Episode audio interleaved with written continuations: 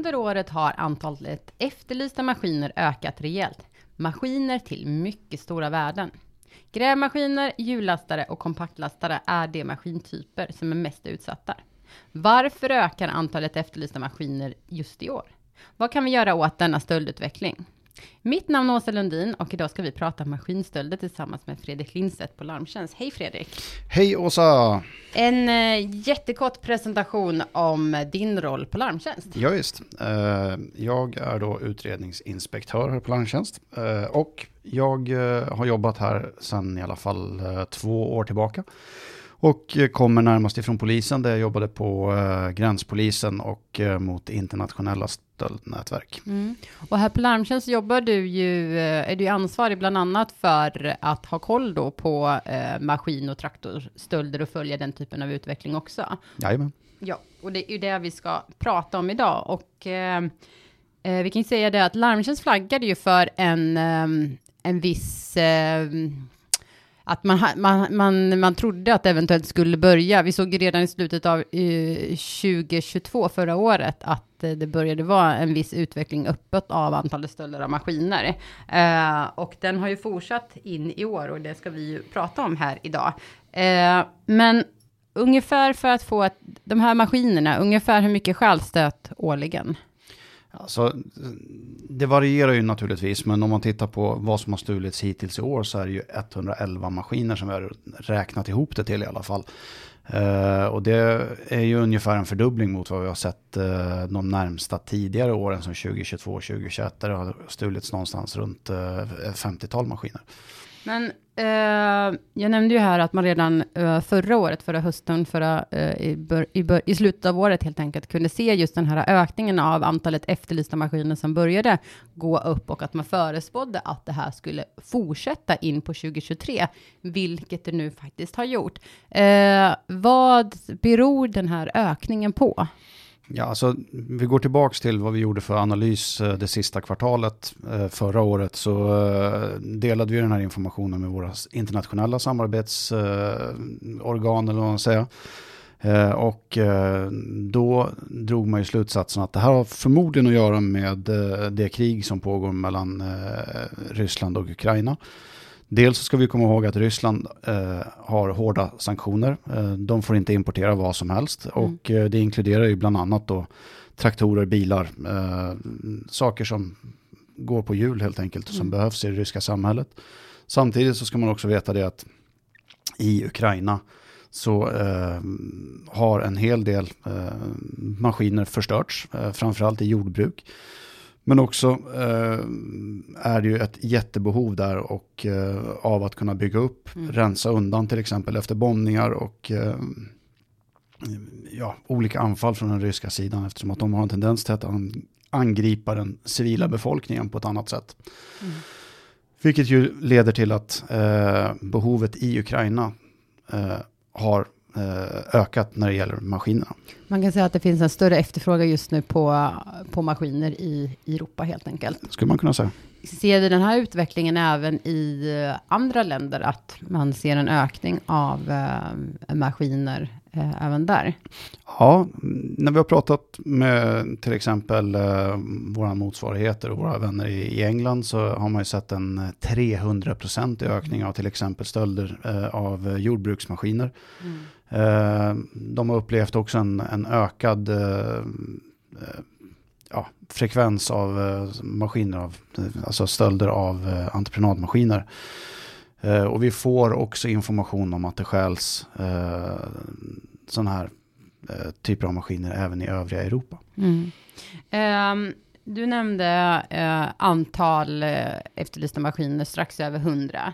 Um, ehm, Ser vi till andra, eh, jämför vi det med andra eh, fordonskategorier så är det ju väldigt mycket fler eh, eh, efterlysningar där. Men om vi tittar på den här siffran som vi har, eh, kan det vara så att den är högre, lägre eller korrekt? Eller hur ser vi, finns det ett mörkertal även på de här, eh, den här siffran? Ja, det är ju det problemet som vi brottas med. Det vi registrerar och det vi mäter, det är det vi brukar kalla för oregistrerat gods. Mm. Eh, när vi säger oregistrerat gods så innebär det att det inte är registrerat i vägtrafikregistret och efterlyser du till exempel en bil då blir det automatiskt efterlyst i, i eh, vägtrafikregistret också. Mm. Men eftersom att de här inte är registrerade så är det här data som vi får in dels från försäkringsbolagen mm. Men vi får också in automatisk data ifrån eh, polisens efterlysningsregister i mm. vissa fall. Så det kan helt enkelt vara fler maskiner som blir efterlysta än vad vi känner till. Oh ja. Mm. När man tittar på de här siffrorna på vad det är som blir efterlyst under året så är det ju väldigt få, i alla fall i, alla fall i den statistiken som vi kan se, som återfinns. Eh, varför är det så lite som hittas? För att det är ju, man kan säga, man kan vända på det, det är ju typ nästan ingenting som hittas. Nej, uh, och det har nog att göra med att många av de här maskinerna är svåra att upptäcka för gemene man eftersom att de inte är försedda med registreringsnummer till exempel. Sen så uh, har de ju här en, en, en, tendens till att försvinna utomlands skulle mm. jag säga och uh, i och med att det är oregistrerat så är det inte alltid så att de då registreras som efterlysta i det internationella registret som är Schengen Information System. Så då är det ingen som ser att de faktiskt är efterlysta? Inte nödvändigtvis. Och därmed kan de inte hittas heller? Så är det. Men om vi tittar på, du var inne och pratade lite om detta att mycket försvinner utomlands. Är det Larmtjänsts uppfattning att mycket av de här maskin, eh, maskinerna eh, går utomlands? För tillfället ja, eh, men sen är det ju också så att de här maskinerna har en, eh, en tendens att till viss del också stanna kvar och rotera inom riket framförallt, mm. men även i övriga Norden skulle jag säga. Mm.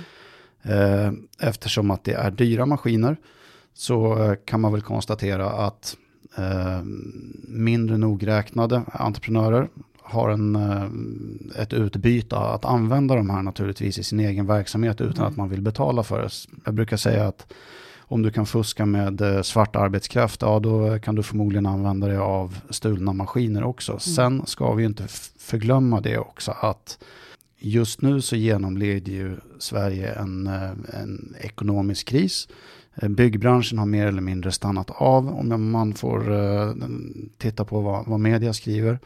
Och man kan tänka sig att eh, en del av de här maskinerna faktiskt säljs och därefter eh, blir anmälda som stulna. Mm. Eh, det är i alla fall en, eh, en teori som har tagits upp och jag tror inte man kan förkasta den helt och hållet. Mm. Om vi tittar på de, det här godset eh, som faktiskt då återfinns, eh, var, vart hittar man godset i så fall? I de fall som vi har hittat gods nu på sistone så uh, är det i uh, östra Europa som vi har konstaterat att de dyker mm. upp. Vad tror du om, uh, om framtiden? Kommer det vara en fortsatt ökning? Kommer det stagnera eller vad ser du i statistiken eller hör från kollegor, polisen du är i kontakt med? Vad har du för tankar om kommande tid? kopplat då till stöldutvecklingen av de här maskinerna? Alltså om, jag nu, om jag sätter mig nu och tittar ordentligt i, i, i min egen spåkula och får, mm. får gissa hej vilt. Eh, jag gissar naturligtvis inte alltid, utan jag sitter på, på viss information. Eh, så tror jag att vi kommer att se en, en fortsatt ökning. Eh, I alla fall att eh, det kommer att fortsätta stjälas i lika stor utsträckning. Mm. I alla fall under kommande år, skulle mm. jag tro. Och det skulle jag tro hör ihop med dels hur konflikten, kriget mellan Ryssland och Ukraina utvecklas. Mm. Jag tror att i samband med att Ukraina sen kommer att återuppbyggas så har ju västvärlden pratat om en modern Marshallplan som rör sig om åtskilliga hundratals miljarder dollar. Mm. Ehm, och det kan vi vara helt säkra på att den organiserade brottsligheten som uh, finns i östra Europa kommer att vilja ha en del av de pengarna. Mm. De står redo att leverera uh, all den maskinutrustning som behövs och den maskinutrustningen kommer man att stjäla i uh, västvärlden, mm. skulle jag säga. Mm. Det man kan ibland, det som slår många, eh, och även mig såklart, är att eh, de här maskinerna är ju, är ju stora och och väldigt synliga så att säga. Eh, vad, vad är det för modus när man stjäl de här maskinerna? Nu pratar vi om stölderna och inte det som försvinner som vi inte riktigt vet orsaken till. Men hur, hur stjäl man de här maskinerna och fraktar dem så att säga så att de kommer till den platsen som man planerat? Rent tekniskt är de inte särskilt svåra att stjäla. Mm. Vi förespråkar ju och förordar klart och tydligt att man bör eh, ha installerad startspärr, de här precis som man har på eh, sina bilar. Mm.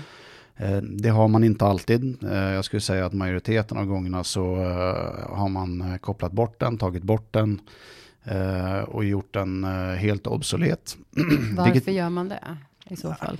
Jag skulle, tro att, jag, jag, skulle tro att det är av enkelhetsskäl, att det är så väldigt enkelt när man är på bygge till mm. exempel, att eh, ja, vem som helst som eh, behöver använda den för tillfället inte ska behöva springa efter nycklar som någon kollega kanske har byxat och så vidare. Eh, så då ser man till att alla har en nyckel och oftast är det här en standardnyckel. Det går väldigt enkelt att beställa sådana här nycklar. Lite skämtsamt så skulle man kunna säga att alla de här maskinerna går att starta med en glasspinne. Och det ligger faktiskt en del sanning i det. Ehm, så att rent tekniskt är de inte svåra att stjäla. Mm. Sen så är det ju en fråga om att eftersom att det är just otympliga maskiner och så vidare så ska de transporteras någonstans. Mm. Uh, och uh, då måste man ju involvera, det går ju inte att, att ta en grävmaskin och banda iväg den uh, flera mil, utan naturligtvis så tar man ju en, en transport, ett transportfordon till mm. det här. Mm som är lämpligt för ändamålet. Och det är beroende på hur stor maskinen är, desto du måste ju ha ett passande transport. Mm. Eh, så att du tar ju inte en tung transport till en minigrävare. Mm. Utan det går ju alldeles utmärkt att sätta den på till exempel ett flak. Mm. Eh, eller en eh, mindre dragvagn bara och mm. sen kan du dra iväg den. Mm. och likaledes ska du ha en, en, en jättemaskin, ja då måste du också ha en tung transport för det ändamålet. Så man kan väl säga att eh, rent tekniskt är maskinerna lätta och sen rent logistikmässigt så ligger det planering bakom så att man vet vad man ska köra iväg med och har det därför korrekt fordon som man eh, kan lasta själva maskinen på helt enkelt. Ja, och det betyder ju att man förbereder sig. Eh, mm. Det är ju inte ett, eh, ett snabbt infall i att vi ska Nej. stjäla någonting, utan man vet vad man ska stjäla och man vet var det står. Mm. Skulle jag säga rent generellt. Mm. Vad är det för värde på de här maskinerna? Varierar ju naturligtvis, men uh, ser man till en vanlig minigrävare så kan den ju med lätthet gå på en kvarts miljon. Uh, beroende på om den är extrautrustad och så vidare så kan den ju säkert krypa upp till en halv miljon också. Eller uh, kanske till och med 750 000 beroende på vad det är mm. för någonting då naturligtvis. Mm. Många gånger så finns ju inga GPSer i till exempel de här stora maskinerna. Det hade ju underlättat väldigt mycket om man, de hade blivit nu stulna och då kunde man se var de var någonstans.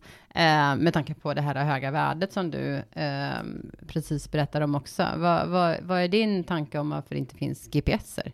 Det är nog en fråga om att man vill spara pengar. Mm. Eh, när man pratar om säkerhet och, och försäkring och så vidare så eh, förknippar många det som bara en extra kostnad. Det drabbar ju ändå inte mig och så vidare och så vidare. Vad man nu använder för ursäkter för att inte montera på mm. till exempel eh, spårsändare. Och jag förstår det. Eh, viss verksamhet är dyr, man vill hålla det så billigt som möjligt och så vidare. Men man måste räkna med eh, också att titta på vad eh, kommer det här att kosta mig kontra Eh, till exempel produktionsbortfallet eh, när en kritisk maskin försvinner. Eh, en dussinmaskin som är en grävare kan man ju naturligtvis ersätta kanske på, på timmen med att man åker iväg och eh, eh hyr en från ett eh, maskinuthyrningsföretag. Och jag, jag, förstår om man gör den lösningen eh, så att man slipper produktionsbortfallet. Men har du en specialmaskin som är utrustad med eh, väldigt specifik utrustning för det du håller på att jobba med som du inte har eh, möjlighet att ersätta hur som helst, ja då ska du nog ta och fundera på om det inte är värt att eh, sätta på en, eh, en, en spårsändare på den där. Mm. Eh, när vi tittar i, i, eh, i statistiken vad det är som eh, försvinner så, så kan man se att det är tre eh, maskintyper som förekommer oftare i antalet efterlysningar i alla fall. Och då är det grävmaskiner, hjullastare, kompaktlastare. Finns det någon anledning till att just de här maskintyperna eh, går oftare eh, än andra? När det gäller grävmaskiner då så är det ju framförallt mindre grävmaskiner. Det är inte de här jättestora som man ser på, på vägbyggena som mm. blir stulna. Det är väldigt sällan de skälls. Mm. Utan det är mindre kompakta grävmaskiner. Och det enkla svaret i det här det är helt enkelt att de är ett, lätta att eh, gömma och de är lätta att transportera. Förhållandevis lätta att transportera ska jag säga, beroende på vad du har för eh, infrastruktur och möjlighet. Mm. Men hjullastare, de kan ju vara lite större, fast det kanske finns olika storlekar på dem också. Och... Ja, det är sant. En del hjullastare är ju väldigt stora mm. eh, som skäls och de har också en tendens till att hitta tillbaks till sin ordinarie ägare eftersom mm. att man hittar dem parkerade i väggen på kanske något el, eh, någon, någon elsäljare som är Elgiganten eller Mediamarkt till mm. exempel. Något sånt där. Eh, för de är väldigt tacksamma att använda vid smash and grab-kupper och vid andra mm. brott. Eh, så. Alla återfinns inte, de eh, försvinner. men ju större de är, desto tyngre transport måste du ha. Nu är det ju också så att hjullastare är ju faktiskt enkla på ett annat sätt att flytta just för egen maskin. Mm. De kan man ju hjula med någon mil bort till exempel och så vidare. Så du är inte behov av eller beroende av att ha en eh, transportkapacitet i närheten när man stjäl en sån. Jag tänkte på, du var ju inne och tittade i din spåkula innan om eh, framtiden och hur det skulle eventuellt kunna se ut eh, med stöldutvecklingen. Eh, men om vi vill försöka bromsa det här, vad, liksom, vad finns det för åtgärder för att, om man då vill försöka minska stölderna? Vad, vad skulle man kunna göra? Eller finns det inget att göra? Jo, naturligtvis finns det saker och ting som man kan göra. Och det här är ju upp till varje maskinägare själv att se över säkerheten runt sin maskin. Mm. Um, jag kan inte sitta och säga och ge ett, jag kan inte ge ett generellt råd att det här funkar, det här funkar inte. Mm. Uh, men att se över den, till exempel fysiska säkerheten, vart står den? Uh, hur är möjligheterna att stjäla den här maskinen? Är det upplyst? Uh, finns det fysisk uh, tillträdesskydd? behöver jag det i det här fallet? Ja, det kan ju bara maskinägaren själv svara på. Mm. Sen är det ju det att en spårsändare till exempel, det stoppar ju inte själva stölden, men det ökar ju markant möjligheten att kunna få tillbaka den. Mm. Eh, och ett ärende som jag har jobbat med nu när det gäller det, det är ju fyra grävmaskiner som i, i början av eh, sommaren, eller ja, i våras, eh, medelst bedrägeri, eh, togs från fyra olika ägare, lastades på en trailer och sen for iväg ner i östra Europa. Och, och de står nu hos slovakisk polis efter vårt ingripande där. Och det beror bara på att en av maskinägarna hade satt en GPS i den där och det kan de andra maskinägarna tacka honom för, tycker mm. jag. Men ja, så ligger det till. Mm. Eh. Nu pratar du uh, mycket om eh, den enskilda maskinägaren eller det som då har maskinerna. Om man tittar på ett, uh, ett större perspektiv, till exempel um, om en polis, myndigheter, försäkringsbolag. Fin, finns det någonting som du ser där direkt som man skulle kunna bli bättre på eller åtgärder man skulle kunna vidta för att liksom minska stölderna, liksom komma åt det. Det behöver inte liksom vara någonting som kanske som sker imorgon, men eh, om man säger med ett långsiktigt arbete för att stävja det här. Det finns naturligtvis en rad olika äh, åtgärder som kan vidtas på en samhällsnivå. Mm. Äh, om vi börjar med försäkringsbolagen som vi själva representerar så äh, kan de bli vansinnigt mycket bättre ibland på att faktiskt ha koll på vad det är för maskiner som registreras in. Mm. Det räcker inte med att det står en tillverkare och ett modellnamn i, försäkringsbrevet utan det ska vara serienummer eh, mm. så att det går att spåra och det går faktiskt att registrera i olika system. Mm. Um, sen så har vi uh, den brottsutredande delen. Mm. Det finns en hel del att önska, till exempel hos min gamla arbetsgivare hos polisen, där man kan se och skönja en trend att saker och ting läggs ner utan att det vidtas en enda åtgärd i vissa fall. Mm. Eh, och det är väldigt trist när man ser eh, hur mycket man faktiskt kan uppdaga om man lägger lite tid på det här. Och det har vi sett till exempel på ett, eh, eh på ett projekt som bedrivs just nu nere i, eh, i Kalmar. Eh, där man jobbar frekvent mot stölder av tillbehör Eh, till sådana här olika maskiner, främst till lantbruk. Eh, det är saker som skäls i parti och minut eh, De någon stjäls organiserat och, av inresta ligor. Men man har med projektet visat att med vanligt hedligt polisarbete och eh, lite idog arbete så, så, har man faktiskt kommit en bra bit på väg och, och, kan faktiskt lagföra de som håller på med det här. Mm. Det skulle man mycket väl kunna se eh, kunna genomföras även när man tittar på de här hela maskinstölderna. Mm. Men svensk polis är utsatta för eh, annat just nu mm. eh, och måste prioritera. Jag lägger mig inte i det. Det är säkert någon som är mycket mer välbetald än jag som kan sköta eh, prioriteringsordningen för Polismyndigheten. Mm. Vi ska försöka avrunda det här eh, avsnittet och jag tänkte säga det att om du, du nämnde innan till exempel att det finns mycket av de här äh, stulna maskinerna på ähm, andrahandsmarknaden eh, som säljs och köps. Eh, ibland kanske man då kan råka ut för att man råkar köpa en, en stulen maskin, fast man faktiskt inte vill köpa en stulen maskin. Om man nu ska köpa begagnat till exempel då, eh, och vill eh, undvika dessa eh, stulna maskiner, vad, vad kan man tänka på då?